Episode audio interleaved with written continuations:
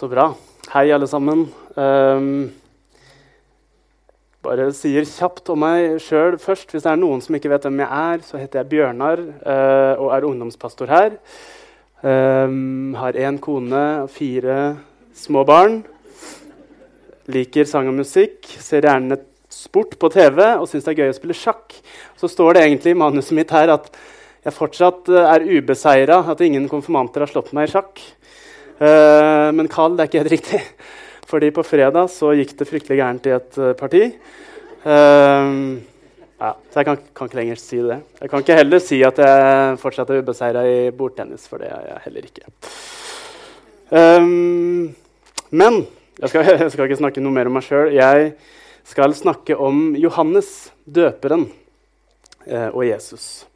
Og Johannes døperen det er en annen enn Eh, evangelisten Johannes, disippelen Johannes, som har skrevet Johannes evangeliet og eh, andre bøker i Det nye testamentet. Eh, Johannes døperen eh, er en slektning av Jesus, en som skulle komme før han. Eh, og jeg skal lese en bibeltekst som også er denne søndagens prekentekst, og som leses da i mange, mange kirker i Norge i dag. Det er fra Matteus 3, 13-17. Da kom Jesus fra Galilea til Johannes ved Jordan for å bli døpt av ham. Men Johannes ville hindre ham og sa, jeg, jeg trenger å bli døpt av deg, og så kommer du til meg. Jesus svarte, la det nå skje.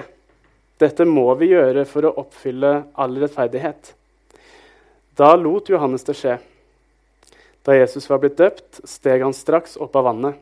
Og se, himmelen åpnet seg og han så Guds ånd komme ned over seg som en due, og det lød en røst fra himmelen. Dette er min sønn, den elskede. I ham har jeg min glede. Herre, takk for at uh, vi kan få lære noe uh, hver gang vi åpner Bibelen. Takk for at uh, ditt ord er levende, at det gjør noe med oss. Og jeg ber nå om at vi skal få sitte med åpne ører og åpne hjerter, sånn at du kan få ja, si oss det du vil si oss. Bruk ordene mine sånn at det kan få bety en positiv forskjell for oss, Gud. Amen. Ja, Johannes døperen var forgjengeren til Jesus. Så Hans oppgave var på en måte å forberede folk på at Messias skulle komme. Han var liksom et oppvarmingsband. Uh, hvis det er noen som har vært på litt større konserter, så er det gjerne liksom et oppvarmingsband eller to som kommer på scenen før da liksom, den store attraksjonen kommer etter hvert. Og Da er allerede liksom, publikum godt varma opp og klare for det som kommer. Uh, litt sånn på en måte var det med Johannes. Han varma opp for Jesus.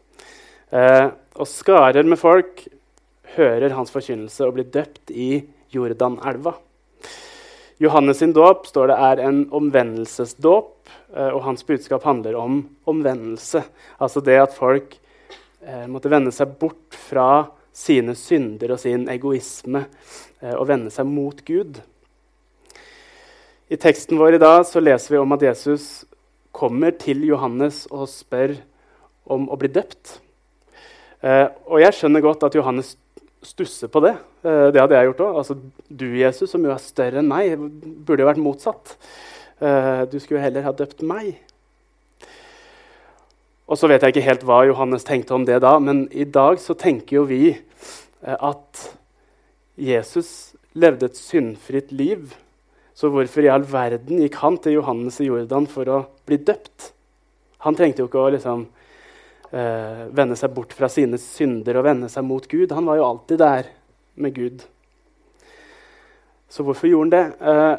Og jeg tror det er flere grunner til at Jesus gjorde det. Og vi vet jo på en måte, vi kan ikke vite det 100 eh, Men han er tydelig på at det her er noe som må skje. Akkurat som han senere er tydelig på at korsfestelsen er noe som må skje. Og kanskje er Jesu dåp nettopp en, et frampek på hans død. For dåpen sånn som vi kjenner, kjenner, den, symboliserer jo på ett vis død. Når man blir døpt, så dør man bort fra sine egne lyster, eh, det muligheten til å være sin egen sjef, på en måte, og så gir man sjefsstolen til Jesus. Um, og det at Jesus blir døpt av Johannes, det markerer på en måte starten på hans oppdrag, hans aktive karriere på en måte på jorda. Eh, da starter han for alvor sine tre år eh, hvor han finner disipler, han går rundt og gjør under, han underviser. eh, og så til slutt så ofrer han livet sitt for sine venner ved at han dør og står opp igjen. og dåpen er altså startskuddet på det. Og så står det ikke så mye om hvordan det her skjer. Selve handlingen uh, er egentlig ikke med i den historien til Matteus som jeg leste. Uh, men en del ting rundt uh, Jesu dåp er med. Og så tenker jeg at Det er sikkert de tingene som ikke pleide å være med i en vanlig dåp. Det er sikkert det han har skrevet om. Og Det ene er den første samtalen med Johannes, som jeg nettopp sa. at Johannes syntes det var helt merkelig at han skulle bli døpt. At Jesus skulle bli døpt av han. Og det andre eh, som er annerledes med den dåpen, det er det som skjer idet Jesus blir døpt. Fordi da åpner himmelen seg, eh, og en stemme sier, 'Dette er min sønn, den elskede. I ham har jeg min glede.' Og så står det om at det kommer en due ned, som jeg tenker er et symbol på Den hellige ånd. Så i det øyeblikket som Jesus blir døpt, så er på en måte hele treenigheten til stede. Gud far, ved den stemmen. Den hellige ånd ved dua, eh, og Jesus som da sønnen. Og Hvorfor det skjer akkurat på denne måten, der, det vet jeg ikke. Og heller ikke om noen andre hørte den stemmen. Eh, det vet jeg heller ikke. Kanskje det var som, sånn som når eh, Paulus møtte Jesus i et syn noen år senere, at de andre bare hører det som torden eller et eller annet sånt. Uansett så tror jeg at det som skjer her, eh, det er viktig. Eh, det at Gud far bekrefter Jesus som sin elskede sønn, at det på en måte får være startskuddet på hans tjeneste. Eh, men så tror jeg at hovedgrunnen til at Jesus blir døpt, det tror jeg er, det tror jeg er en annen. Og når Johannes stusser på at Jesus vil døpes, så svarer Jesus dette må vi gjøre for å oppfylle all rettferdighet. Jeg tror at Jesus ville bli døpt fordi hele hans liv på jorda handla om, om, den døden han skulle dø. Han skulle ta vår plass, leve det livet vi burde ha levd, og dø for alle våre synder. Så når han blir døpt, så tror jeg at han gjør det også på vegne av oss. Jeg ser for meg Jesus der med hele verdens synd på sine skuldre, eh, som først blir døpt i Jordan, og som mange, noen år senere frivillig dør på korset. Eh, overvinner døden og knuser dødens grep om oss.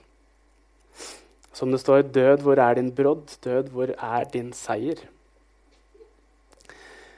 I Johannesevangeliet så er ting beskrevet på en litt annen måte, fra en litt annen vinkel, som det ofte er. Eh, og Der får vi høre hva Johannes døperen sier når Jesus kommer mot ham, antageligvis i den samme situasjonen. Fordi da sier Johannes døperen, se der, Guds lam, som bærer verdens synd. I den gamle pakt så ofra de jo lam og andre dyr til Gud eh, for at Gud skulle tilgi syndene deres. Og i den nye pakt så er, måte, så er, alt det over fordi Jesus kom for å være det lammet. Han kom for å ta på seg straffen som menneskene fortjente, eh, og så ta et oppgjør med den en gang for alle. Så han er på en måte vårt offerlam som bærer verdens synd på sine skuldre. For at vi skulle ha det her nære forholdet til, til Gud som vi kan ha i dag og som det var meninga helt fra starten at vi skulle ha.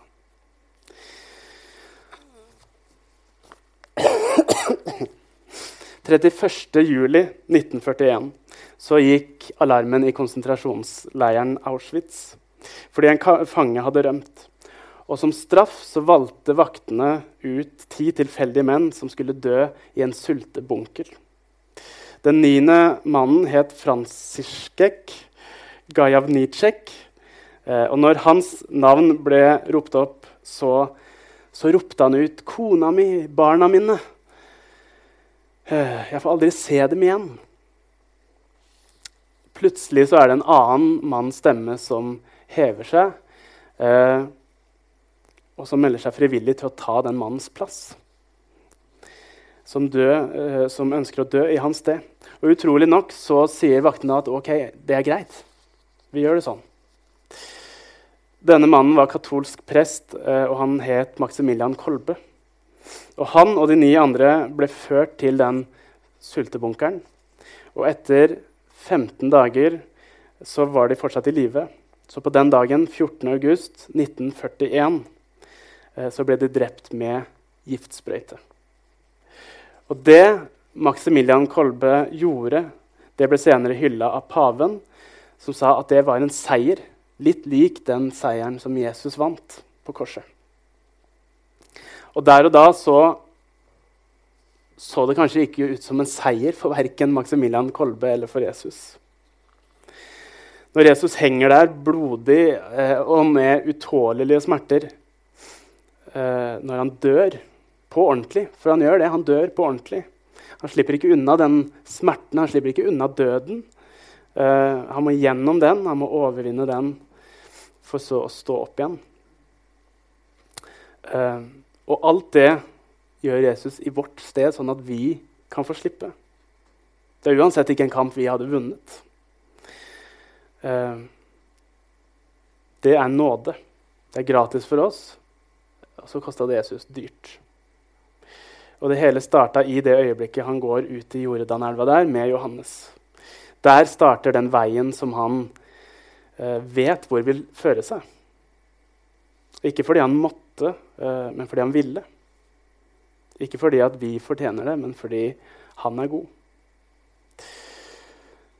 Jeg har lyst til å synge en sang for dere til slutt, som jeg har hørt mye på den siste tida. Um, så håper vi stemmen holder, at det ikke blir sånn hostebonanza. Uh, men det er en utrolig fin sang av Benjamin Hastings som heter 'Eden'.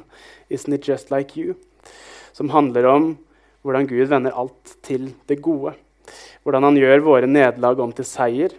Hvordan han tar vår plass og endrer hele historien til det gode kommer teksta opp her, sånn at dere lettere får med dere hva jeg synger.